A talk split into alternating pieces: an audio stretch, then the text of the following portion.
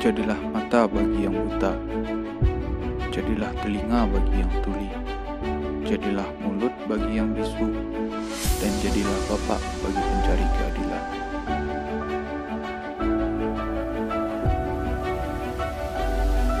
Selamat datang di podcast